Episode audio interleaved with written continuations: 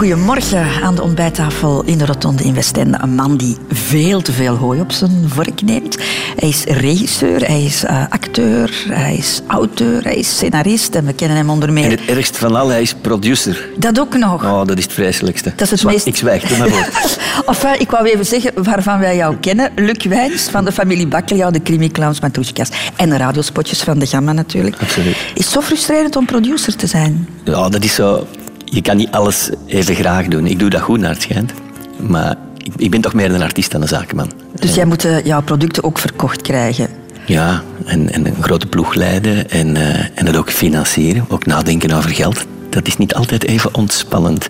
Maar goed, als het niet gebeurt, dan, eh, dan heb je geen product. Hè. Ik, het hoort erbij. Het is het, het noodzakelijke kwaad, zullen we maar zeggen. En zit je dan in uh, maatpak aan de grote onderhandelingstafel om jouw handtekening te zetten? Ik zit in een, uh, in een jeans en een t-shirt aan een zeer grote onderhandelingstafel.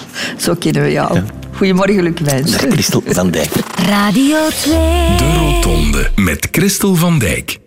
Luc Wijns, twee jaar geleden heb jij eens in een interview gezegd ik zit aan de hoge kant van de geluksbarometer. Ik geef mezelf 8,5 op 10. Mm-hmm. Amai, dat was een update. Hè. Een gro grote onderscheiding in de school van het leven, noem ik dat. Ja, amai, 8,5. Ik vraag me af wat er toen allemaal gebeurd was die maand. Dat gaat in golven bij ons. Hè. Je moet soms een jaar heel veel geduld hebben en dan gebeurt er op een paar maanden heel veel. Um, en dan heb ik het over de carrière. Maar privé klopt dat wel. Hè. Uh, ik heb alles wat ik uh, mijn hele leven droomde. Ik, uh, ik heb een, vrij jong gezin terug. kindjes van negen en zeven. Een, een mooie vrouw.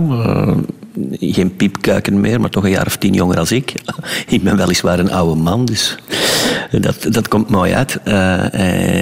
ik heb mijn eigen bedrijfje waar alle mensen die daar werken goede vrienden zijn. Dus ik leef wel, ja, mm. eigenlijk een, een, droom. Dus dat was eigenlijk een weloverwogen uitspraak die ja, je gedaan hebt. Ja. Dat was niet iets van het moment, zo van ik zit nu goed in mijn vel. Nee, nee. Ik denk dat ik nu 8,2 heb. Een beetje gedaald? Ja, komt het? ik denk twee jaar geleden. Dat we toen net hadden gesigned in Hollywood en dan ging Clowns internationaal gaan. En we gaan nu binnenkort gaan we beginnen. Maar uh, dat is allemaal nog niet... Uh, het is toch niet op antenne, we zullen ja, het zo zeggen. de stress is er. Ja, er is stress. Die 8,5 die heb je gegeven hè, op, op het moment dat je eigenlijk een beetje terugkijkt. Je hebt ook al heel wat om, om terug te kijken in je leven, want je bent eind 50 ondertussen. Ja. En dat gaan wij vandaag ook doen, Luc Wijs. We gaan uh, jouw levensparcours eens bekijken en de keuzes die jij onderweg gemaakt hebt. Ja, ik, ik ben iemand die nooit eigenlijk terugkijkt, alleen maar droomt en vooruitkijkt of met het moment zelf bezig is. En daarom zijn dagen zoals deze wel heel interessant. Ja, ben je, mezelf een beetje herontdekken. Zo. Ben jij iemand die snel beslissingen neemt, Luc? Of? Ja, ik, ik kan heel veel geduld hebben en ik kan dingen op lange termijn plannen, maar ik kan zeer snel beslissen, ik zal het zo zeggen. En nooit spijt van beslissingen? Ja, soms wel, hè. Alhoewel van grote beslissingen. Ik denk, als ik, als ik alles overnieuw zou doen, dat mijn parcours toch wel heel erg op het huidige parcours zou trekken. Hoor. Ik zou misschien ja, bepaalde dingetjes nee tegen zeggen. Nou, daar zullen we het dan straks misschien nog over hebben. Ja. Maar eerst gaan we iets doen aan jouw Wikipedia-pagina, Luc. Jij oh, dat bent tijd, een bekende medemens, dus je hebt een Wikipedia-pagina ja. en daar staat onder meer dit op te lezen. Luc Caroline Arthur Wijns, Schoten 23 januari 1959, is een Belgisch scenarist, acteur, auteur en regisseur. Hij studeerde in 1981 af aan de studio Herman Terlink. Voilà, er staat nog wel wat op, maar dit is ja, grosso... Dat stuk klopt wel, hè? Dat klopt, ja, hè? Ja. maar het gaat eigenlijk allemaal over jou vanaf het moment dat jij bekend bent geworden. Maar er is ook een Luc Wijns geweest. Hè? Misschien wel berucht in Schoten en omgeving, maar toch niet verder buiten. Totaal onbekende Luc Wijns. Ook toch een belangrijke periode, denk ik, in jouw leven. Want daar ben je ook gevormd. We lezen daar niks over. Maar Han Koeken heeft daar een mouw aangepast en hij heeft voor wat aanvullingen gezorgd. Luc Wijns, geboren te Schoten op 23 januari 1959. Al snel werd duidelijk dat voor de jonge Luc geen academische carrière was weggelegd. Zo getuigt Boudewijn van Spilbeek, die Luc al kende van in de lagere school. Zij was, denk ik, de nachtmerrie van de leraar wiskunde. Uh, want dat was helemaal zijn ding niet. Maar de les biologie was meer zijn ding, weet Boudewijn. Wij hadden in de kast, uh, in onze klas, zo'n typische donkergroene kast, als ik me goed herinner. Um, daar hadden we een doodshoofd in, dat moest dienen voor de les biologie. En uh, Luc speelde daar poppenkast mee. Ja, met Luc was de ambiance in de klas altijd verzekerd, bevestigt ook klasgenoot Anton Segers. Hij was zo'n beetje de meer extroverte, de, de man die veel durfde, speels was. En Luc liet de speelvogel volledig in hem los, vertelt Boudewijn. Hij kon ongelooflijk goed tippetjes nadoen en hij deed dat dan ook spelenderwijs in de klas. Spelen deed Luc, ook met de meisjes, weet klasgenoot Mark Koenen. Het was zo'n artistiek type, uh, op, op een Suzuki, uh, die uh, rondtufte en in elke hand vijf meisjes had. Dat zal toch niet veel schelen. Anton Segers heeft daar een hele logische verklaring voor. Hij had hele lange krullen, wat toen in de jaren 70 enorm aansloeg. Luc was Mr. Cool, behalve op de dansvloer, zegt Ben Rotiers, die samen met Luc op Herman Terling zat. Wij hadden ook heel veel danslessen en ik weet, ja, dat was zeker Luc zijn sterkste kant, niet de danslessen. Niet zijn sterkste kant. Anton Segers drukt het iets minder voorzichtig uit. Als hij op de dansvloer kwam, dan moest hij toch altijd een, een vierkante meter baan ruimen. Maar ondanks tegenstribbelende benen behaalde Luc het felbegeerde diploma kleinkunst. Dat heeft Ben Rotiers met eigen ogen kunnen vaststellen bij het opkuisen van zijn garage. Kwam ik toch iets tegen een document tegen, ah, mijn diploma van studie Herman Terling. En ik, ik ontrolde dat diploma, maar dat was echt nog zo'n groot perkamentachtig document. En uh, wat bleek, dat was het diploma van Luc Wijns. Diploma binnen handbereik of niet, Luc was eindelijk van de schoolbanken verlost en kon doen wat hij altijd al wou, spelen. En de rest is history. Ja, dat klopt. Ik was dat kwijt. Maar was, we waren gaan feesten na de, na de, de, de, de prijsuitreiking van Studio. En ik had dat niet bij. En de Ben heeft dat per ongeluk meegepakt. En die wist dat zelf ook niet. En die heeft een jaar later teruggevonden. Maar ik heb dat niet gemist. Dus... Ben, ben Rotiers, beter bekend als Pol natuurlijk, ja, van, van, de kampioenen. Er zit al heel veel in. We gaan het er straks over ja. hebben. Um, heel veel in wat er later is uitgekomen. Hè. Show, uh, entertainen, grenzen opzoeken. Ook een beetje. Hè. Altijd wel een heel aanwezige figuur geweest, hè, Luc, blijkbaar. Ja, ze hebben mij later zo geïnterviewd voor het schoolblad. En ik, ik heb daar zo'n James Dean-achtige indruk nagelaten. Ik wist dat ik was daar erg gevleid hoor. Die verhalen zijn ook enorm aangedikt met de ah, jaren. Echt, ja. Maar ja, ik was een beetje de schrik van sommige leraars inderdaad. En ik zei altijd wat ik dacht. En ik, ik, ik was nooit onder de indruk. De allereerste afslag in het leven, Luc Wijns, dat is uh, geboren worden op een uh, bepaalde plek. En die plek heeft uiteraard invloed op ja. iemand zijn leven. Um, jij bent de oudste uit een gezin van twee, maar wel heel lang enig ja, kind ja, geweest. Hè? Want jouw er zus... negen jaar tussen. Ja. Dus, dus uh, ik heb daar nooit als kind mee gespeeld, dat is met een klein zusje. En toen zij geboren werd, kon ik daar ook niet veel mee doen. Wat kan een kind nu doen? Van negen met een baby, daar kan je niet mee voetballen. Hè. Maar was dat een omwenteling in jouw leven? Mm, nee, niet echt. Uh, ik had me voorgesteld dat, dan, dat dat een omwenteling zou zijn, dat je dan voor de rest met twee bent. Maar die, dat, dat leeftijdsverschil was zo groot dat dat niet is. Hè. Dat... Mm, maar je moet vanaf dat moment wel aandacht delen. Aandacht delen en uh, ook voor dat kleintje zorgen soms. Tegen gezin, uren in de speeltuin, de schommel duwen, dat herinner ik me. Dat, dat hoort er nou wel bij, maar dat is niet slecht voor een kind, dat hij soms eens dingen tegen zijn zin moet doen en, en zich moet aanpassen. Maar was je jaloers? Nee. Nee, ik kreeg, ik, ik, ik, ik, ik kreeg altijd de meeste aandacht. Dat is altijd zo gebleven. Ja? ja. Ik, ik had het heel makkelijk op school. Ik, had het, ik, ik, ik, ik, ik was zeer verbaal. Ik, ik moest daar niet veel voor doen. Ik kreeg gewoon meer aandacht als andere kinderen. Van jouw ouders ook? Ja, van iedereen. Maar dat is wel een goede kind. Wat, wat, wat, deed ik als ik 12 jaar was? Dan uh, deed ik de garagepoort open en dan uh, hing ik een bord voor vandaag poppenkast. En dan kwamen er twintig kinderen naar de poppenkast kijken. En ik, ik, ik bereidde dat amper voor. Um, dat, dat, kwam vanzelf allemaal. Dat was, die drang was groter dan mezelf en dat bleef spelen. En ik, ik, ik dacht daar niet bij na, dat gebeurde gewoon. Uh -huh. Maar je bleef dan eigenlijk enig kind. Was je zo het jongetje dat altijd bij de buren zat, bij de andere kinderen? Of, of zat jij thuis in die garage? Op je eentje dat was niet zo, inventieve dingen niet zo in mijn eentje. Ik, ik, uh, ik had hele goede vrienden op school ook, die dan vaak bij mij thuis kwamen spelen. En de meeste kinderen, zeker als we dan spreken over het middelbare, waren, uh, hadden, hadden ouders op, op on higher places. Uh, waren apothekers en, en, en directeurskinderen en, en advocatenkinderen en, en, en, rijke middenstanderskinderen bij mij in de klas.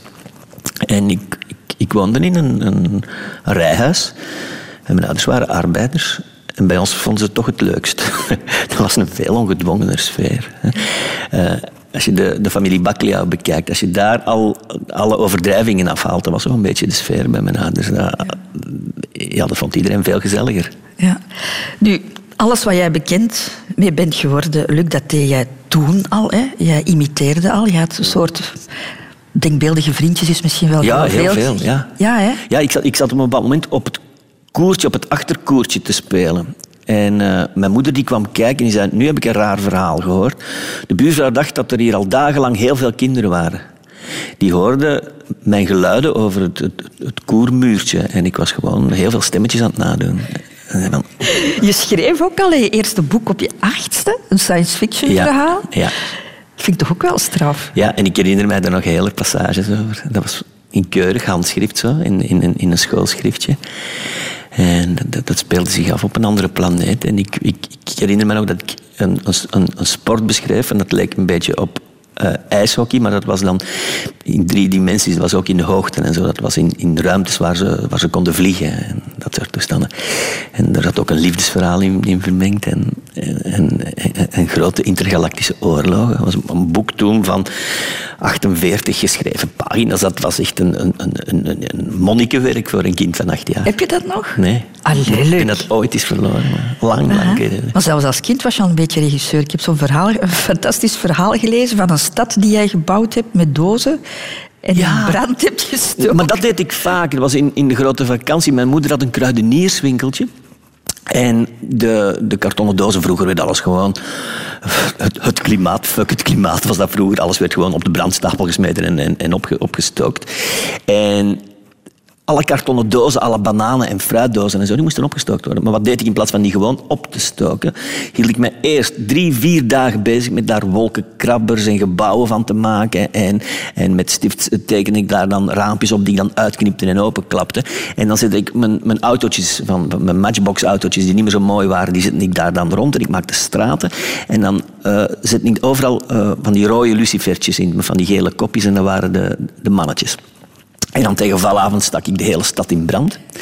En dan ging ik op de ellebogen gesteund kijken hoe alles verbrandde. En dan noteerde ik hoeveel doden en gewonden er waren. Ongelooflijk. Ja. toen al spektakel. Hè? Ja, maar en dat echt, is gebleven Maar bij jou. vier dagen aan werken en dan op een kwartier is het opgefikt. Maar dat gaf wel een kick. Wat vonden jouw ouders ervan, Luc? Vonden ze jou een raar manneke? Ik, ze vonden mij wel een schatteke. Ze vonden mij wel een speciale en een schatteke. Ja. Raar? Nee, ja.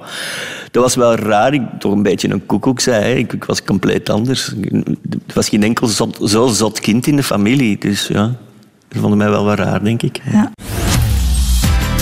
De Rotonde. We hebben het daarnet over jouw creatieve bezigheden gehad, Luc. In een gezin wat dat toch niet de normaalste zaak hè, van de wereld was. Je was een soort, zoals je het zelf noemt, een soort koekoeksjong. Hè? Ja, maar ze waren wel heel grappig, hè, mijn ouders. Dat was een hele absurde, weirde humor. Mensen die zo voor de eerste keer bij ons thuis kwamen, die konden hun ogen niet geloven. Die wisten niet of dat nu waar was of niet.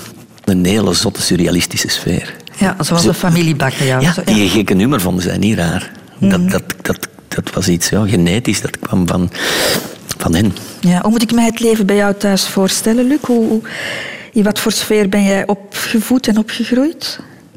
Er was nooit veel geld, maar er was altijd genoeg geld. En dat, dat, was vrij, vrij rock'n'roll eigenlijk. Ja, we spreken over begin jaren 60, begin jaren 70. Mijn belangrijkste hobby, dat was een beetje opgedrongen van thuis, maar dat was eigenlijk wel een leuke wereld. Was korfbal. Eh, ik speelde korfbal bij de minime de kadetten en later de scholieren van Kwik KC in Merksem. Dat was echt een volksploeg. Ik weet niet wat dat nog zo is, maar dat was een beetje een krapulploeg vroeger. Maar dat was juist leuk. En we hebben het vrij ver geschopt. Ik weet nog dat we de finale hebben gespeeld voor, eh, voor de titel. En ik weet nog dat we voor, eh, de, de wedstrijden voor de Interlands België-Nederland speelden. Dus dat was wel op een hoog niveau. Maar ik bleef niet kunnen volgen. Ik kon mijn, mijn ploeggenootjes niet volgen, omdat zij niks anders deden dan korfballen. Zeven dagen op zeven. En ik zat op Sint-Jan Bergmans en ik moest ook een beetje studeren. Dus ik ben moeten afhaken. En op het moment dat ik niet meer geselecteerd werd voor de, bij de besten, eh, stopte het. Ah ja. Ben ik gewoon gestopt van de een dag op de andere geen bal niet meer aangeraakt. Dus dat zat er ook een beetje in. Het is alles of niks. Hè. Mhm. Dus een, een, een warm gezin toch wel?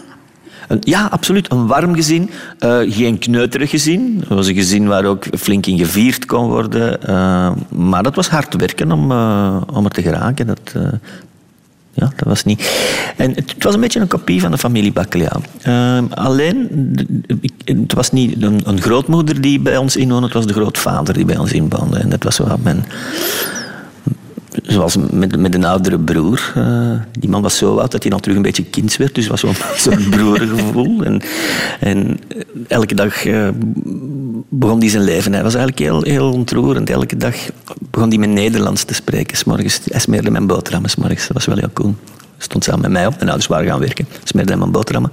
En dan probeerde hij Nederlands te spreken. En tussen de middag was het afgezwakt en s'avonds was het terug plat Antwerps en godverdomme en weet ik wat. Maar elke dag probeerde hij terug. Dat was toen de tijd dat er op de televisie werd er nogal ingeramd dat je ABN moest spreken. Hier spreekt men Nederlands. Hier spreekt men Nederlands. En ze er werd naar gekeken en dat werd bij ons thuis geprobeerd. Ah, ja. Was het een gezin waarin, je, waarin over emoties en gevoelens gepraat werd? Ja, echt wel. Ja, ik zeg het, dat was, dat was niet, niet burgerlijk, dat was niet bekrompen, dat, dat was vrij rock and roll en dat was nogal, nogal streed over gevoelens, ja. Ja.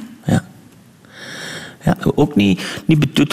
Ik weet nog, ik was mijn portefeuilles kwijt. En er kwam een, eh, een automobilist mijn verloren portefeuille brengen. En mijn moeder, kunnen we eens nakijken? En mijn moeder kijkt hem na, ze vindt daar een condoom in. Maar ik was een jaar of 16. Er was nooit over gepraat bij ons thuis. Dan kan je je voorstellen dat sommige ouders waren gechoqueerd zouden zijn. Het kon zijn dat mijn moeder gechoqueerd was. Maar ze liet dat in elk geval niet merken. Ze kwam gewoon melden dat ik een verstandige jongen was. ik vond dat fantastisch. En dat verbale heb je dan ook van hen? Zo van, eh, Ja, ik ben voor, wel een beetje verbaal. voor jezelf opkomen, die met je laten sollen? Ja. Is dat zo? Kom ik goed op voor mezelf, laat ik niet met mij zollen. Je hebt toch moeten timmeren aan jouw weg? Ik denk dat ik altijd het vaste voornemen heb gehad om heel veel met mijn leven te gaan doen.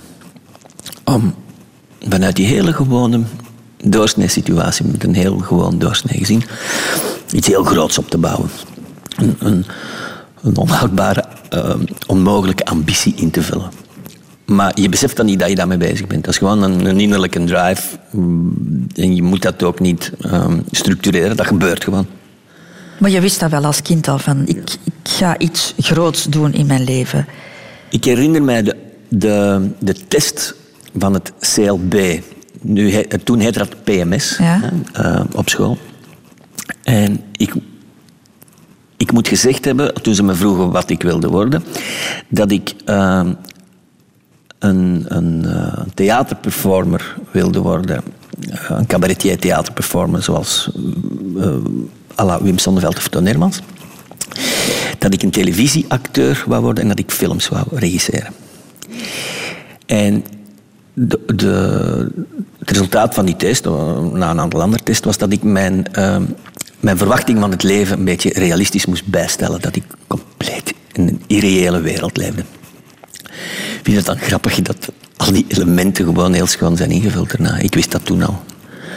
Is me, is me dan niet saai vanaf u tien jaar weet wat je gaat worden en het stilletjes aan worden. Er is niks verrassingen aan.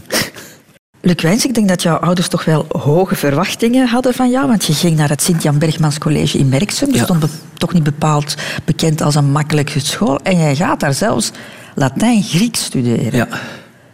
Opmerkelijke keuze, toch? Ja, je, je, je volgt de adviezen en als je hoge percenten scoort, stuurt men je door naar de moeilijkste afdeling. En ik was wiskundig, was ik echt een... was ik heel belabberd. Ik deed dat ook niet graag. Maar verbaal, hè. Nederlands scoorde ik in mijn laatste jaar in de 90 procent.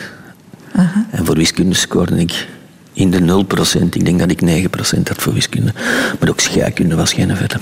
Maar ik heb nooit hard moeten studeren als, de- als, als een les voorbij kwam en ik lette een beetje op, moest ik thuis niks meer studeren. En dat ging eigenlijk allemaal vanzelf. Ik was, ik was meer met mijn liefjes bezig dan met mijn leerstof. Maar jouw ouders kozen voor een moeilijke richting, hè, Latijn-Grieks dan. Dus ja, dan was het toch de bedoeling dat jij... Dat ik advocaat zou ja, worden. Of dat jij geen arbeider... Ze, hadden, Ja, ja, ze wilden grotere dingen. ja, advocaat of dokter. Hè. Dat waren toen de beroepen waar, waar de, de, de mensen van droomden dat hun kinderen dat zouden worden. Dat was een heel grote ontgoocheling toen ik eh, mijn ingangsexamen had gedaan op de studie Herman Terlink. En toen ik zei van, Ik ga naar de toneelschool. Ja, ja, maar we moeten nog eventjes naar hè, dat middelbaar onderwijs. Want in het laatste jaar zeg jij voert. Ik zei niet echt voert. Ik had topcijfers voor een aantal vakken, onder andere Nederlands. En ik eh, zat er zwaar onder voor de exacte wetenschappen. En mijn leraar, er was een, een hele zware discussie tijdens de deliberatie. Zes leraars, één prefect. Drie leraars waren pro, Luc Wijns en drie waren tegen. Ik weet het allemaal uit goede bron van een van die leraars die daarna een vriend van mij geworden is. En uiteindelijk heeft de prefect de knoop doorgehakt en hebben ze gezegd, niet voor Luc Wijns. Dus jij moest een jaar over doen. Ja, maar dan zei de, de, de, de, de leraar wiskunde, zelfs als die volgend jaar briljant is, ik buis hem terug. dus, maar ik was niet van plan om mijn jaar te gaan overdoen. Bro, waarom? Ik had daar eigenlijk niks te leren wat ik later zou kunnen gebruiken. Buiten Nederlands, maar ik kan niet al je vakken uh, afschaffen en alleen maar Nederlands leren. Daar gaat het niet over in ons onderwijssysteem. Dus uh, ben ik gewoon naar het studio Herman Terling gegaan. Dus je hebt je middelbaar... Ik heb uh, geen diploma. Je hebt... Ik heb niks, niks, niks. Ja, een zwemdiploma. Ik geloof 100 meter zelfs. Dus je hebt nu hetzelfde meegemaakt met jouw eigen zoon, hè? want die heeft ook zijn middelbaar niet afgemaakt, dacht ik. Hè? Ja, ja, maar en om dezelfde reden ook. Hè. Die bleef maar bijlessen volgen uh, wiskunde en dat lukte maar niet. En dan heb ik op een bepaald moment gezegd, uh, kom jongen, dat laatste jaar, dat hoeft niet. En dan is die voor mij beginnen werken. Ja. En die maakt nu briljante muziek. Dus, uh... dus, je maakt hetzelfde mee, maar dan vanuit het standpunt ja, van de ik, ouder. Maar, maar, mensen moeten dat weten dat eh, onze, onze hersenen kunnen niet al die verschillende uh, leergebieden perfect invullen. Als je heel goed bent verbaal, ben je normaal gezien ook niet goed numeriek. Uh, of ben je niet handig, of weet ik wat. Je kan niet alles goed kunnen. Dus ik vind het veel interessanter van in sommige dingen fantastisch te zijn en andere dingen helemaal niet te kunnen. En alles een beetje te kunnen. Zo, die grijze zone vind ik niet tof. Ja, maar dan moet jij thuis gaan zeggen, ik ga ingangsexamen doen aan Studio Herman. Ja ja, dat was een, een drama dat ik, uh, dat ik theater ging doen. Hoor. Mijn moeder heeft drie maanden geweend, denk ik. En dan zijn ze eens naar een, naar een voorstelling komen kijken waar de eerste jaar al in mochten figureren. En toen had ze plots door dat dat geen bende gestoorde hippies was, maar dat dat hardwerkende jonge mensen en beleefde jonge mensen waren. En dan was alles plots in orde. Dus dan, dan stopte de angst en ook het verzet van, uh, van de ouders. Was alles goed. Was het voor jou moeilijk om toch je eigen zin door te drijven? Nee, dat, was sterker dan mezelf. Mijn eigen zin doordrijven was de normaalste zaak van de wereld. Doen wat iemand anders zei terwijl je daar niet mee akkoord bent, dat, dat, dat was moeilijk voor mij. Er, er, was geen weg naast. Ik heb er ook nooit aan getwijfeld als ik, als ik of mijn diploma niet had of ik mocht niet van mijn ouders, dat ik dan iets anders zou gaan doen. Dat, dat, dat stond buiten kijf. Ja. En toen je daar kwam, Luc, was dat dan zo van, dit is het? Ja. Waar ik mijn hele leven naar gezocht heb? Ja, ja. Ik was dan 18 jaar. En ik kwam plots in die toneelschool terecht bij allemaal jongens en meisjes die dezelfde soort afwijking hadden als ik. Alsof je plots tien broers en zussen terugziet die je al jaren, of die je nooit hebt gekend, waarvan je gescheiden bent sinds je geboorte. Dat is onwaarschijnlijk. Plus ook, dat was, ik zat op een, uh, op een jongensschool en daar kwamen voor het eerst de bokjes bij de geitjes. Samen in de klas zitten met mooie meisjes, dat was onwaarschijnlijk. De Rotonde. Radio 2. Radio 2. Afgestudeerd aan Studio Herman Tijdlink, Luc Wijns. En dan moet jij werk gaan zoeken. Hm. Had jij een plan in je hoofd? Uh, ik, ik had een, uh, een jaarseizoen getekend bij het KJT, Koninklijke Jeugdtheater in Antwerpen. En de dag toen, we kwamen, toen ik mijn eerste dag kwam repeteren, um, kreeg ik van de directeur, die een beetje bedremmeld was toen te horen, dat de stad Antwerpen uh, die extra acteur toch niet wou. Dat werd betaald door de stad. Maar ik had een contract getekend. En mijn jaar lag vast, ik had niks anders. Ja, maar dus in de kleine lettertjes staat dat dit contract ingang vindt mits goedkeuring van de burgemeester en het scheepcollege. En ik denk, oké, ik, ik had me net laten inschrijven bij de vakbond. De vakbond lost dit wel op, maar er werd niet eens naar gekeken. Dus ik had geen werk. En ik had daarvoor, kon ik echt kiezen uit een aantal aanbiedingen. En dat jaar heb ik twee losse opdrachten gedaan. Een kleiner theater, het Ankeruit Theater geloof ik. En naar het einde toe de, de KVS in Brussel. Dus dat ging nog. Maar het was geen vetpot financieel. was afschuwelijk. Dat was, ik had niks. Ik moest soms bij de buurvrouw 20 frank gaan lenen voor een brood. Dan had ik eens een opdracht, een stemopdracht voor, eh, voor reclame in Brussel. Had ik geen geld om de trein te pakken, moest ik zien aan geld te geraken voor de trein. Dus dat was echt krabben, krabben, krabben. Dus dan ben je ook even gaan stempelen, toch? Nee, ik moest gaan stempelen, maar ik voelde me daar zo slecht. Dat was in de rij gaan staan. Ah, je moest nog elke dag die stempel gaan halen. Ik heb dat drie keer gedaan of zo. En dan kwam ik daarna in problemen met de, met de belastingaangifte en zo. Dan moest ik papieren invullen waar ik vrijwillig afstand deed van stempelgeld. En dan vroegen ze, waar leef jij dan van? Dan zei ik, gewoon zeer, zeer gezuinig, zeer karig. Dat was ook zo. Je had recht op dat geld, Luc. En dan zeg je gewoon, ik, ik ga niet stempelen. Nee. Nee, ik bedoel, ik, ik, werd daar wel, ik moest daar wel iets, iets afschuwelijks voor doen. Hè. Ik, moest met mijn hand openstaan aan een loket. Ik moest, ik, ik, ik, ik, ik, ik moest in, een, in, een, in een trage, depressieve rij mensen aanschuiven elke dag. Dat was het mij niet waard. Dan ik liever geen geld. Was dat een moment dat je ook dacht van waar ben ik eigenlijk aan begonnen? Was ik toch niet beter dokter of advocaat geworden? Ik, ik, ik herinner me dat ik s'nachts in mijn bed lag en denk, hoe geraak ik aan job, hoe geraak ik aan geld? Maar dat, dat, dat werd een, een obsessie voor enkele maanden. Maar dan dat tweede seizoen was al mooi gevuld en dan... eh, eigenlijk vanaf het tweede jaar heb ik nooit geen dag zonder werk mee gezeten. Je hebt in een aantal gezelschappen gespeeld, eh, maar dan besluit je van helemaal alleen op dat podium te gaan staan. Ja. Ik, eh, ik maakte mijn eerste soloprogramma en ik merkte dat dat al heel snel een, een behoorlijk publiek trok. Maar dan was je ook je eigen baas, want in een gezelschap staat er nog een regisseur boven jou en dan moet je toch nog wat naar luisteren. Ja, maar dat vond ik goed, want dat was wel een topregisseur. Dat was Walter Tillemans. Dat was het beste wat het land had op dat moment. Dus daar had ik absoluut geen problemen mee. Die, die, die zei alleen maar slimme dingen, die man. Die heeft me trouwens eh, met mijn eerste theatervoorstelling ook eh, gestuurd en begeleid. Niet dat hij het geregisseerd heeft, maar die kwam regelmatig zien. Dat, eh, die geloofde vanaf het begin in mij. Dus nee, dat was het niet. Ik had, geen, ik had geen problemen met autoriteit. Als iemand wist wat hij zei, graag, dan kon je wat van leren. Maar er was minder voldoening dan bij een solovoorstelling die helemaal ook inhoudelijk in de hand had en waar je zelf je, je eigen teksten schreef. Nu, die onafhankelijkheid of die drang naar onafhankelijkheid, dat trek jij wel heel erg door. Hè? Want uh, je bent als artiest ook wel met cent bezig, toch wel? Niet alle artiesten kunnen dat. Maar jij richt je eigen productiehuis op. Je bent compleet onafhankelijk.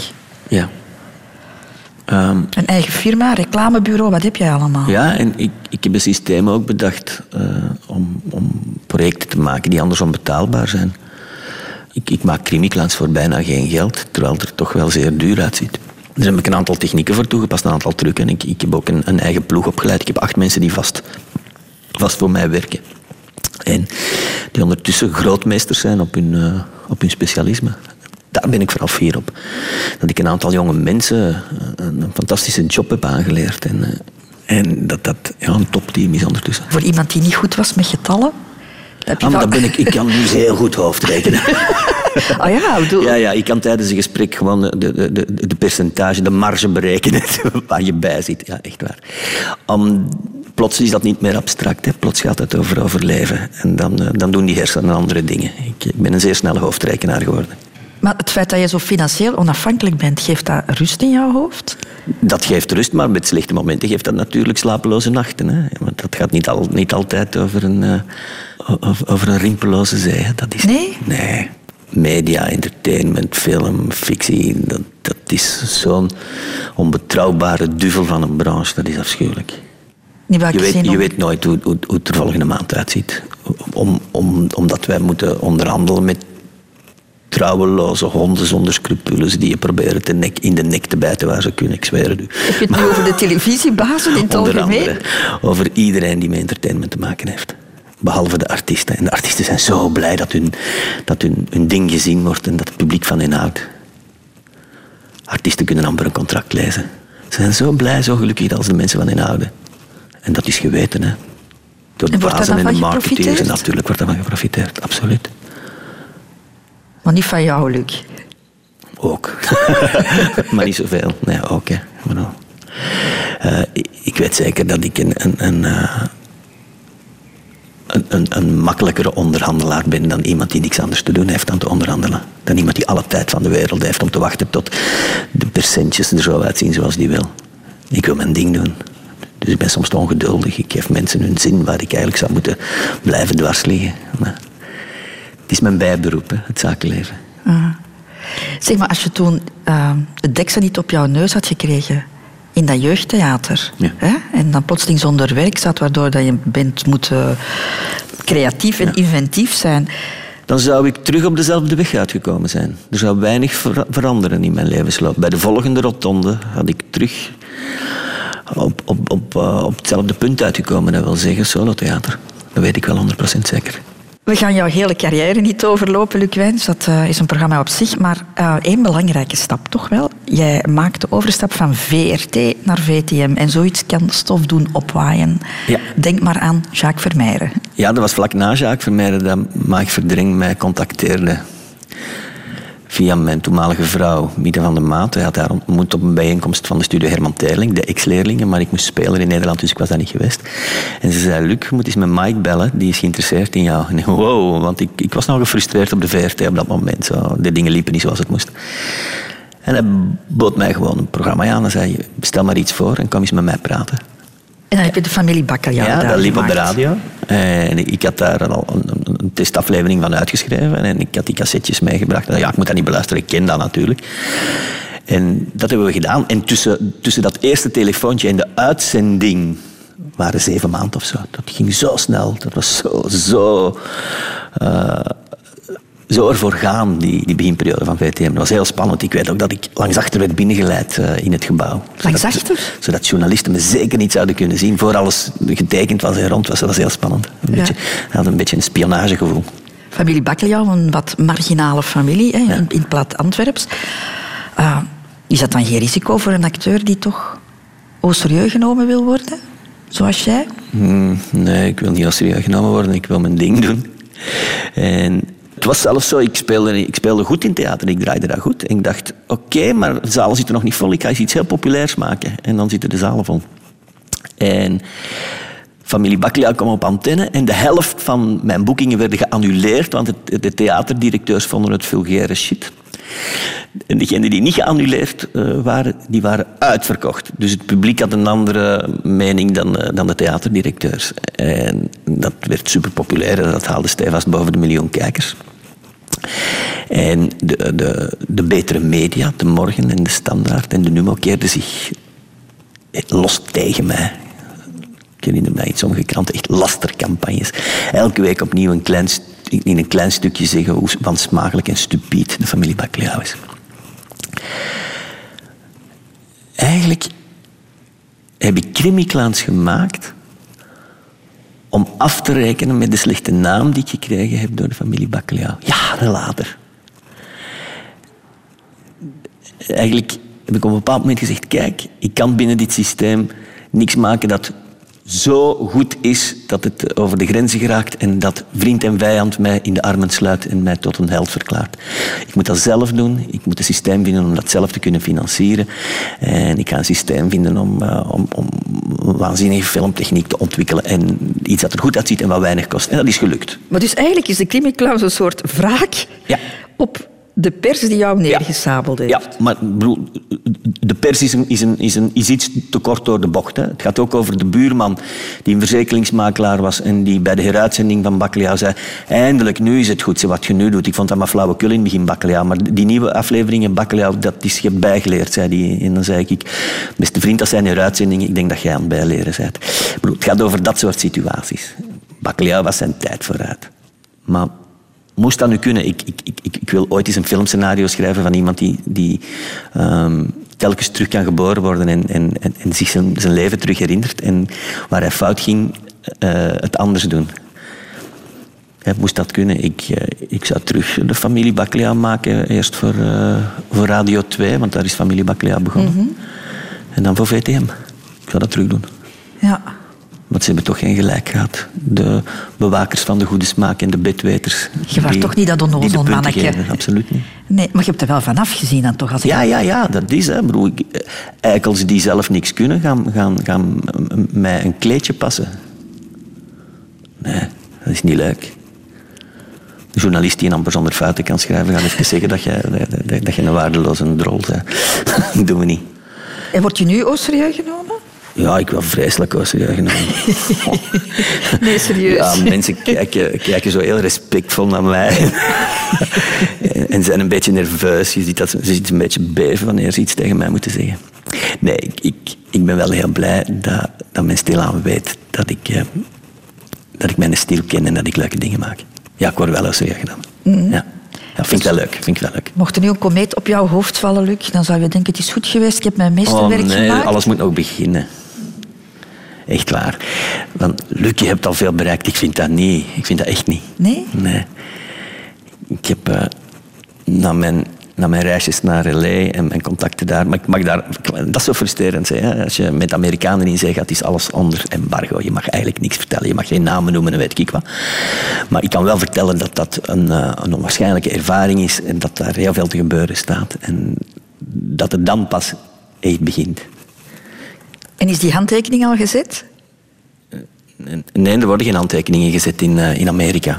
Alleen als de productie aanvat. Je zet geen handtekeningen ehm, met je producent of met je productiehuis, of zelfs niet met je advocaat. En alles wordt geregeld voor je. Dat doet je advocaat. Eh, Maar ben je zeker hij, dat stelt- hij stuurt zelfs de factuur. En ben je zeker dat het doorgaat? Dat ben je nooit. Dat ben je absoluut nooit. Maar we staan al ver, ik zal het wel zeggen. Radio 2.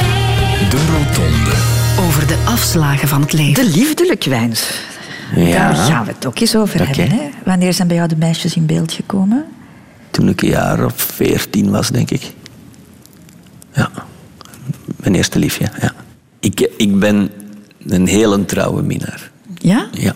Ik heb nooit een partner bedrogen. Nooit.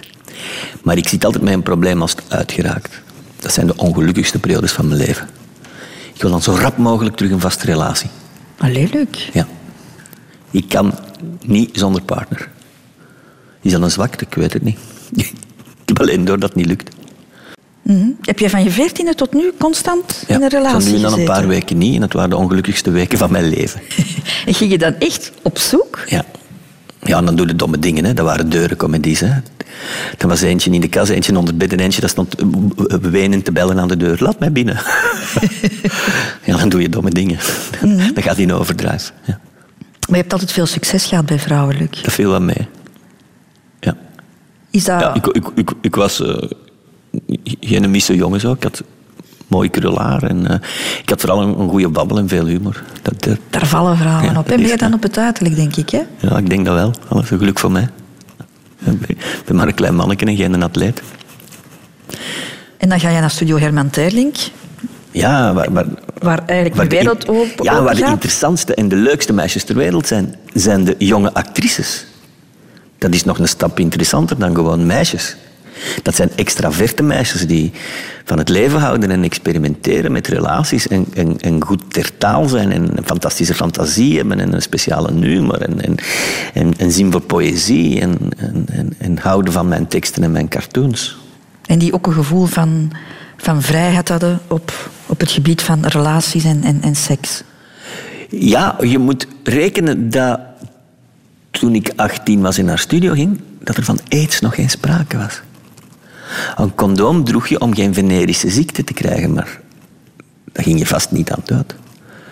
Het was een heel ander gevoel. Dat was de, de, de, de jaren na de hippiejaren en dat was de complete eh, seksuele vrijheid. En heb je dan de liefde gretig geconsumeerd? Ja. Op, studio heb ik toch verschillende partners gehad. Dat was een periode dat met mijn vast liefje af was.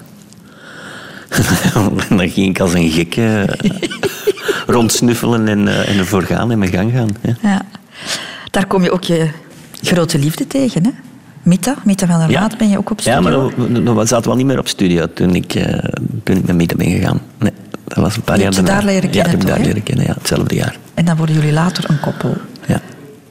Ja, zij was eerst mijn regisseur en dan eh, is zij mijn vrouw geworden. Ja.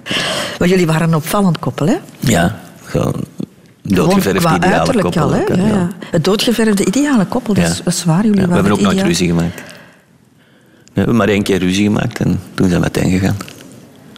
Ja, na 17 jaar huwelijk, hè? Ik denk het, ja. Want je bent getrouwd. Echt zoals het... eh, Ja, ja, ja, ja. ja. Jullie deden alles samen. Hè? Ik bedoel, eh, jullie leefden samen, jullie werkten ook samen. Ja, wel een soort circusgezin. Hè. Ook de zoon die, die, die deed mee. Dat was Leon Elken, hè. Jonas in de familie Bakkeljaan.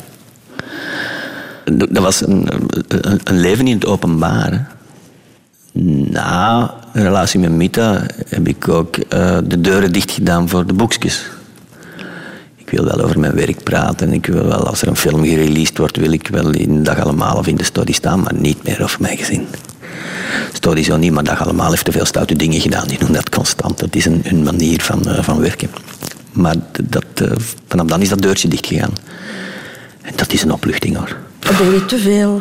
Dat is een Eh, opluchting. Scherm dat, ik, kan dat iedereen, ik kan dat iedereen aanraden. Scherm je privé af van je werk. Ik kan, ik kan de twee periodes vergelijken. Maar wat had ik af te schermen? Ik, bedoel, ik speelde met mijn vrouw in een sitcom en met mijn zoontje. Wat moet ik dan zeggen? Ja, maar over de privé gaan we het niet hebben. Dat liep gewoon gelijk. Werk en privé was hetzelfde. Dus je kunt niet zeggen, we praten niet over de privé. Maar als je het zo kan regelen dat je niet over je privéleven hoeft te praten, regel het zo. Mm. Het is een druk. En nu met En- tweede vrouw, die... Maar- nee, er wordt niet over gepraat, hè. dat is heel goed. hè. Ik verstop die niet. Hè. Die gaan met, met, met mij mee naar premières en weet ik veel. En, en, en, en soms zie je wel zo'n foto van ons. Maar dat is het. Dus na 17 jaar hè, wordt er een punt achter zitten. Ja. Is dat dan een emotionele beslissing of een rationele beslissing?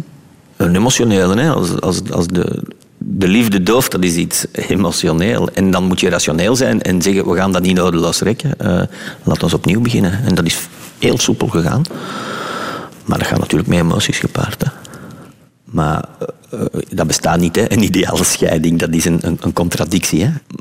Maar voor zover je goede en slechte scheidingen kan hebben, hadden wij een goede scheiding, zal ik zeggen. Maar je moet dan, want jullie blijven samenwerken ook. Na jullie scheiding zijn jullie blijven samenwerken nog. Hè?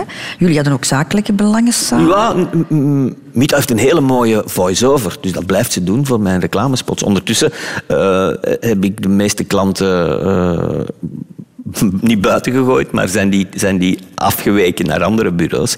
En eh, houden we ons bij de, de trouwste klant aller tijden, zijn de Gamma. Eh, voor de rest doen we geen reclamespotjes meer.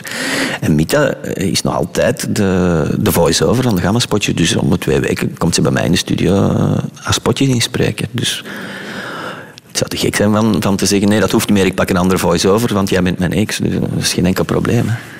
Ja, ik zou dat precies niet zo makkelijk vinden. Want zo nog samenwerken, je moet toch Ah, een, nieuw, jawel. een nieuw evenwicht zoeken. Een nieuw nee, dat, is, relatie-evenwicht. dat, dat, dat, dat is allemaal verwerkt. Dat is echt geen probleem. Mhm. Kan jij makkelijk de knop omdraaien, Luc? Ja, echt wel. Op een bepaald moment beslis je, oké, als het zo niet is, dan is het zo. En dan ga je ervoor. En dan heeft het geen zin om achterom te kijken. Kinderen, Luc Wijns. Ja. Was dat voor jou van meet af aan duidelijk? Ik, ik wil kinderen? Hmm, ik voelde zoiets als een ongelooflijke drang om een kind te maken toen ik een jaar of 28, 29 was. En dat kwam goed uit. Ik had toen net een, een, een, eh, goede relatie. Dat was met Mita. Is nu ja, bijna 30 jaar geleden.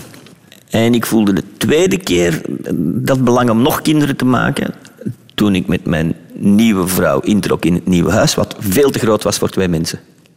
En dat is echt waar. Alsof het een praktische overweging was. Dat ik dacht, wat moeten wij met drie slaapkamers doen? We zijn maar alleen. Ik moet nog twee kinderen maken. Die een tuin is te groot om zelf hier rond te lopen. Dus het is bij wijze van spreken. Maar eigenlijk, ik herinner mij het moment dat ik dacht, nee, dat is hier niet te doen met tweeën. Dit grote huis en deze grote mooie tuin. Hier moeten nog kleintjes hier rondlopen. Ja, je had het even goed nog een extra zetel kunnen kopen. Maar nee, jij zegt, Ja, we- gaan dat hier vol zetten met moest kinderen. bewegen ook. Het moest geluid maken en bewegen. Ja. Maar dus met Jonas had je het, idee van het is volbracht. Eén kind. Ja, ja, ja. Vooral ook omdat we, omdat we samen werkten en dan nog een, nog een kind bij. Dat werd, dat werd ingewikkeld. Maar eh, mijn tweede vrouw, eh Eleni, die mocht lekker thuis blijven. En voor dat grote huis en die twee kinderen zorgen, dat vond zij fantastisch. Met Eleni ben jij ook getrouwd, Luc? Ja, ja, ja. Dat is toch ongelooflijk dat jij toch die verbintenis ook wil. Ja, en dat is, dat is wel kei traditioneel. Hè. Toen, toen wij jong waren, was trouwen iets voor oude zakken. Dat dacht dat doe, ga ik nooit doen. Hè. Maar, nee, ik vond dat dat zo hoorde. Ik vond dat, dat, dat, is, dat is meer een, eh, een, een, een, een teken van ik vertrouw jou voor de rest van mijn leven. Hè. Dat is een, een, eerbetoon. Hè. Dat die, is een- eh, het huwelijk is een medaillespel door op mekaars borsten. Ja. Je hebt nog twee kleine kinderen dan, hè? Negen en zeven Ja, zijn en. Oh, je bent eind vijftig, Luc. Ja. Ja, ik merk dat als ik de, de, de, de dochter bijvoorbeeld naar school doe, dan zie ik al die andere ouders die twintig jaar jonger zijn als ik of meer. Maar dan denk ik, in mijn hoofd ben ik toch maar even jong hoor. Maar je kan dat nog fysiek ook allemaal goed aan? Ja, ja. Ja. ja een, beetje, een beetje opletten. De, de ouderdomskwaaltjes zijn er wel. Maar ik heb toch wel eh, heftige dagen hoor. Zo'n draaiperiodes, dat is om vijf uur eh, uit de veren. En pas om tien uur s'avonds heb je gedaan met werk en een paar uurtjes slapen. Want je moet nog wat voorbereiden. En terug om vijf uur eruit. En dat Ja. hou ik toch wel week na week na week na week vol. Maar nu zijn ze nog, nog klein, ze luisteren nog goed. Maar dat worden ook pubers, hè? Luc? Ja, ja en, en Ik heb er ook nog een van 14 eh, rondlopen. Oh, en dat ik is- vind dat is de leuke periode. Dat ik vind dat vrij periode. heftig. Ja. En moeilijker dan bij die twee die nu in de twintig zijn. Ja, ja, alle kinderen zijn ook zo verschillend. Hè. Jonas die heeft nooit gepubert. Dat was zo'n brave. Ik had hem verteld dat, dat puberteit dat dat niet bestond. Dat dat een uitvinding was van de marketeers om, eh, om spelconsoles te verkopen. en hij heeft mij geloofd en hij heeft niet gepubert. dus dat was handig. Maar de, de, de, de twee kleinste, dat zijn wel temperamentjes. Ik, eh, ik hou mijn hart vast, maar goed, het leven is een avontuur. Hè. Mhm. Je werkt samen met jouw oudste zoon, die eh, zit bij jou in het bedrijf. Ja, Jonas is mijn, eh, mijn geluidstechnieker en mijn, mijn, mijn componist. Nog geluidstechnieker en ik heb nog componisten.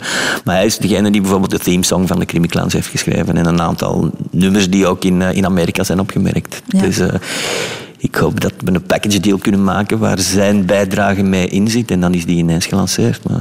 Aha. Maar zo vader en zoon in één bedrijf, Dat gaat heel kan, goed. dat kan een veldslag worden. Nee, nee, nee, dat gaat heel goed. Dat gaat heel goed. Dus, eh, dat is een perfecte match. En hij is een hele sociale, rustige gast die niet te veel laken naar zich toe trekt en die, eh, die zich wat op de achtergrond houdt, maar wel een duidelijke mening heeft. Hè. Anders is hij ook geen goede artiest. Maar, Maar hij is volgzamer dan jij. Ja, absoluut. Ja, veel volgzamer. Minder haantje? Ja, echt wel. Ja, ja, ja, dat is een droom om mee te werken. Ja. Maar ooit komt er toch de dag, denk ik dan, Luc, dat hij een soort van vadermoord zal plegen. Zo van, het is goed geweest, vader. Maar ik weet dat niet. Stop er maar mee, geniet van uw oude dag. Ik neem het wel Hij- over. Hij is, nee, hij is geen gast die dat bedrijf wilde overnemen. Hij is een gast die, die eh, filmcomponist wil worden en, en, en dat ding doen. Maar hij wil vast niet die gestoorde combinatie maken die ik maak. Hè. Eh, Zelf produceren en de zakelijke kant doen en de artistieke kant. Dat interesseert hem niet. Radio Radio. Over de afslagen van het leven. De Rotonde. Luc Wijns, ik ben op bezoek geweest bij iemand die je heel goed kent. Je hebt eh, al veel met hem samengewerkt. Bij Matrushkas bijvoorbeeld, eh, bij Creamy Clowns. Manu. Manu Kersting, Ja. daar ben ik naartoe geweest. Ja. En hij herinnert zich nog perfect de eerste keer dat hij jou zag. Ik zat net een maand of drie of zo op de studio in de kleinkunst. En kwam ik op een feestje en daar kwam een jong met een eh, New Wave kapsel en een felblauw hemd binnen. En daar zei iedereen van, dat is Luc Wijns. Wat kennelijk heel belangrijk was. En ja, hij maakte ook wel indruk op mij, want het was, hij zei niet veel. Hij ging ergens streng zitten kijken. En van, nou, dat is dus Luc Wijns. Dat was eigenlijk de eerste keer dat ik hem eh, tegenkwam. Die avond ben ik verder niet met hem bezig geweest, maar ik kwam dan steeds meer tegen. Hij kwam ook wel eens op de televisie al, deze keer iets. Dus hij viel al op. En hoe is hij op de set? Eh, het- is iemand die heel intens is als hij werkt. Dus, Hoe je nu? nou, ik zal niet zeggen dat hij heel gestrest is, want zo komt hij niet over. Maar het is iemand die heel heftig is. Hij moet op duizend dingen tegelijk denken. Hij heeft het geschreven, hij produceert het, hij speelt een van de hoofd, eigenlijk de hoofdrol. Hij zit naar het beeld te kijken, hij eh, is met de cameraman aan het discussiëren hoe het beter kan of hoe het anders moet of whatever. Dus hij is heel intens aanwezig. En hoe zie je dan dat hij eh, hevig is? is? Is dat met stemverheffing of drukke gebaren? Ja, alles ongeveer. hij is altijd wel druk. Hij, hij is iemand die zeer intens is. Dus hij kan ook zeer intens aanwezig zijn. Dat kan op alle vlakken zijn. Hij is ook heel humoristisch. Hij kan eh, soms opmerkingen maken die, ja, die eh, heel humoristisch zijn, maar ook keihard kunnen zijn. Want ja, dat is ook een beetje de materie waar hij eh, mee eh, werkt. Hij maakt black comedy. Dus we zitten eigenlijk wel constant in die zone of zo. Dat, eh, dat- Maar is hij tegen jullie ook hard? Ik kan me niet herinneren dat hij echt hard tegen mij geweest is. Hij kan wel eens een keer flink uitvliegen, maar dat is meer omdat iemand echt een megastommiteit begaat. En dat kan hij echt niet verdragen. Kan hij rust vinden, denk je? Heb je dat ooit al gemerkt, dat hij rust zoekt ook? Volgens mij, ik weet niet of hij het echt zoekt, maar volgens mij vindt hij het ook niet. hij werkt non-stop. Hij gaat natuurlijk wel met zijn gezin op vakantie en daar stopt hij ook aardige duit geld in. Maar of hij daar rust vindt, ik denk het niet. Ik denk niet dat hij eh, ooit rust zal vinden. Hij is iemand die altijd vier projecten in zijn kop heeft zitten en minstens twee projecten aan het maken is. Hoe kan je rust gaan opzoeken als je er geen behoefte aan hebt? Ja. Hoe kan je rust gaan opzoeken als je er geen, behoefte, aan hebt? ja. En dat klopt. Ja, ja. Nu, op een bepaald moment heb ik eens een hele zware beenbreuk gehad. Hè. Door, mijn, door mijn kleinste in bed te leggen, eh, gleed ik uit. Ik stapte in een plastic bootje en ik viel voorover met hem. En ik kon me nog net op tijd omdraaien met gevolg dat ik een spiraalbreuk heb. Zowel mijn eh, de, de, de tibia en de fibula, dus de, het scheenbeen en het kuitbeen, zijn op 19 plaatsen gebroken. Dat maakt dat ik een half jaar bijna niet kon gaan. Eh, ik begin met een rolstoel me verplaatsen, dan met krukken, heel veel eh, in bed gelegen en weet ik. En daar heb ik vaak nagedacht over. eh, Ga ik niet te ver? Zou ik niet een paar dingen van mij, van mij, van mij afduwen? Moet dit allemaal wel? Moet ik dit aanpakken? Moet ik zo hard gaan? En dan kom ik daarna tot de conclusie van ja, why not? Zolang het gaat, ik ben nooit zo ongelukkig geweest als de zes maanden dat ik niet kon, niet kon creëren. Dat, dat mij de energie ontbrak, omdat al die energie ging in, in, in, in de revalidatie. Ik ben ook zeer snel gerevalideerd. We hadden voorspeld negen maanden, een jaar ga je dat toch niet, ga je werk onbekwaam zijn. Na zes maanden was ik al volop terug bezig. En toen dacht ik, nee, zolang de energie hier is, mag ik niet rusten. Ik, eh, ik, ik, ben ik een workaholic? Ja, maar alleen is dat niet werken wat wij doen. Dat is dromen en leven en spelen. Maar je hebt toch eh, op een bepaald moment in jouw leven een, een keuze moeten maken omdat het te druk was. Want je bent gestopt met je zaalshows. Ik ben gestopt met theater, ja, ja. Omdat jouw gezondheid ook eh, ondermijnd was toen. Hè? Ja. Ik, eh, ik, ik kreeg toen te horen dat ik diabetes type 2 had. En dan zei de dokter, je kan nog blijven werken en je kan nog heel oud worden. Alleen wat je nu combineert is volgens mij niet mogelijk. En dan moest ik kiezen. Dan moest ik kiezen tussen televisie en film of theater. En dat was met pijn in het hart. Maar daar ben ik al lang over. Ik heb wel mooie herinneringen aan het theater. Je hebt het gevoel dat je niet, een live gevoel dat je niet kan hebben als je op televisie komt of, eh, of films maakt. Maar je hebt dan toch eens naar de dokter geluisterd op dat ogenblik. Ja. Maar ik luister wel naar de dokter. Gewoonlijk als het te laat is, Luc. Ja, ja kan. Wij zijn al aan de allerlaatste afslag toe. En eh, ja, ook een afslag waarover we niks in de pap te brokken hebben. De dood? De dood, Ah, cool. ja. Hoe kijk je daarnaar? Ah. ik, ik heb heel lang een groot probleem gehad met de sterfelijkheid. Gewoon met het idee dat op een bepaald moment dat je niet meer bestaat. En als je niet meer bestaat, is er geen besef meer. En heb je eigenlijk nooit bestaan. Zo, dat soort rampenscenario van eigenlijk heeft ons leven geen zin, want op een bepaald moment gaan we toch maar dood en dan herinneren we niet eens dat we bestaan hebben. Dus we bestaan eigenlijk niet. Dat, dat soort filosofische kronkel maakte ik. Ik kon daar heel nerveus en heel ongelukkig van worden. Maar met ouder te worden en naarmate de dood dichter komt, raak je daar wel mee in het reinen. Ik heb daar nu veel minder problemen mee. Mhm. Maar kan je je voorstellen dat er een moment komt, jij als drukke, bewegelijke, hyperactieve man, dat je voor eeuwig stil ligt? Dat je weg bent. Ja, ja, tuurlijk.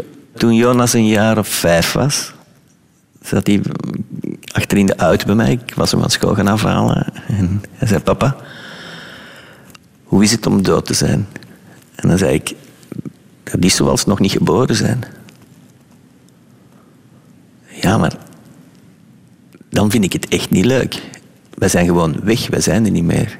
Ja, dat vind ik niet leuk. Ik zeg, vond je het ook erg toen je nog niet geboren werd? Ja, maar toen was er nog niet het leven geweest. Zo'n heel filosofisch gesprek met een kind van vijf jaar. Maar ik vind, je moet, je moet eh, als je zelf weet eh, hoe het in elkaar zit, moet je tegen je kinderen niet liegen. En het is fijn dat ze van jongs af aan eigenlijk daar rust, van, rust mee nemen. Dat ze daarmee met akkoord gaan. Mm, Je moet de dood niet verstoppen voor een kind. Ja. Mhm. Maar boezemt jou angst in? Nee. Nee, je, je ontkomt er toch niet aan. Je moet, je moet je tijd niet verzieken door angst voor de dood. Ik, ik vind dat verspilde energie. Je kan er niks aan doen. Je kan jezelf proberen te overtuigen dat er leven is na de dood, maar dat doen we niet aan mij.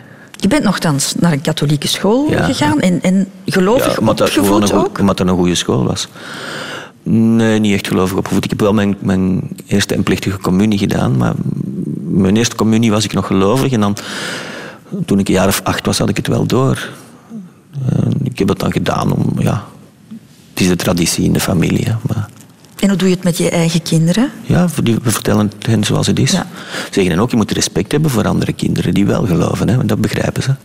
Maar zij volgen geen godsdienstles, zij doen hun communie niet, ze zijn niet gedoopt. Nee, ze, ze weten hoe het in elkaar zit. Hè. Mijn dochter die legt het uit aan de kleinste dat God een soort van Sinterklaas is voor volwassenen. dat is het en dat klopt ook. Nu, je hebt nog kleine kinderen, hè? Ja. zeven en negen. Je zal een heel stuk van je leven moeten missen. Ja, hè? Jij daar gaat- denk je soms wel over na. En denk je, ja, ik ga je niet als rijpe volwassene kennen. Hè. Als volwassene nog wel, maar niet als, ja, als ze zo oud zijn als ik, ben ik er niet mee natuurlijk. Je gaat misschien hun geliefden niet meer zien, hun kinderen. Ja, ja, dat klopt. Maar ja, je kan over alles piekeren en je over alles ongelukkig maken. Hè. Dat heeft geen zin. Nou, Je hebt nu een rijk gevuld leven. Ben je daardoor, doordat je nog zo jonge kinderen hebt en nog wel een beetje voort moet, hè? je moet je leven nog wel wat rekken voor hen, ben je daardoor anders gaan leven, Luc? Misschien een stuk gezonder? Mm, Nee, niet daarom. Eh, op een bepaald moment merk je dat je niet zo rock and roll kan blijven leven, dat je daar ziek van wordt. En dan probeer je met alles een beetje te matigen en te kalmeren en probeer je toch genoeg te slapen en probeer je toch op je eten te letten en niet te veel te drinken en zo. Maar ik heb geen verslavingsproblemen en eh, volgens het laatste bericht ben ik een actieve, gezonde patiënt. Eh, want wij worden altijd door, voor de verzekeringen onderzocht elke keer als we een filmproject doen. Dus elke keer worden wij binnenste buiten gekeerd. Dus dat is eigenlijk wel goed. Als, eh, als je fout bezig bent, word je wel gewaarschuwd, versta je? Dus, eh, dat stelt mij altijd gerust dat ik de volgende film of de volgende serie mag draaien. Dat wil zeggen dat ik gezond genoeg ben dat de verzekeringen in gelooft dat ik deze filmopname overleef. De Rotonde. Radio 2. Radio 2. Even naar de toekomst ook kijken, Luc Wijns. Volgende maand eh, de première van de tweede Crimi Clowns film, Uitschot. Uitschot, ja. Dat is eh, nabij toekomst, maar eventjes verder in de toekomst. Welke afslag wil jij nog nemen? Ehm, ik wil uiteraard, en dat is geweten, Clowns internationaal krijgen. En ik, zou, ik droom van een, ehm, een Europese historische reeks waar ik heel hard aan het werken ben. En voor de rest vertel ik daar lekker niets over. Allee, Luc. Je komt naar de rotonde om dingen te vertellen. Hè? Maar ik heb iets verteld en de rest is...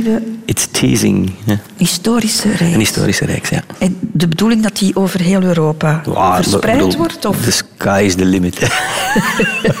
Enfin, nog heel veel plannen. Ik vind het wel fijn om zo te horen Ja. dat dat luksje van vroeger, dat dat nog altijd in jou zit. Zo. Dat kindje dat graag poppenkast speelt, dat wilde plannen had, dat Ja. eh, met de meest eh, bizarre dingen bezig. Dat is nog altijd mijn leven, alleen het speelgoed wordt groter. Maar je hebt je dromen waar kunnen maken, is ongelooflijk. Ja, en we zijn die nog aan het waarmaken. Ja, 8,5 op 10 was de geluksbarometer een paar jaar geleden, maar je scoort zeker zo goed nog nu, nog altijd. Ja, ik denk dat we nu aan 8,7 zitten. Sinds vandaag. Sinds vandaag, hè. Sinds deze fijne dag aan zee. Ah, nog één ding, Luc, en dat is het gastenboek. Wil jij daar ook iets in schrijven? Ja. Lieve Christel, wat een aangenaam tijdverdrijf. Met de Noordzee als decor en jij in tegenlicht, graven in mijn eigen verleden. En ontdekken dat ik toch wel een zonnig parcours mocht afleggen. Jij reikte het gereedschap aan en ik mocht ontdekken en reconstrueren. Dank ook voor de zachte, moederlijke zorg van het charmante trio dames. Het diner, het ontbijt, de koffie, de aandacht, de humor, het gezelschap. Tot bij de première van Uitschot en op Den Antwerp. Liefs, Luc.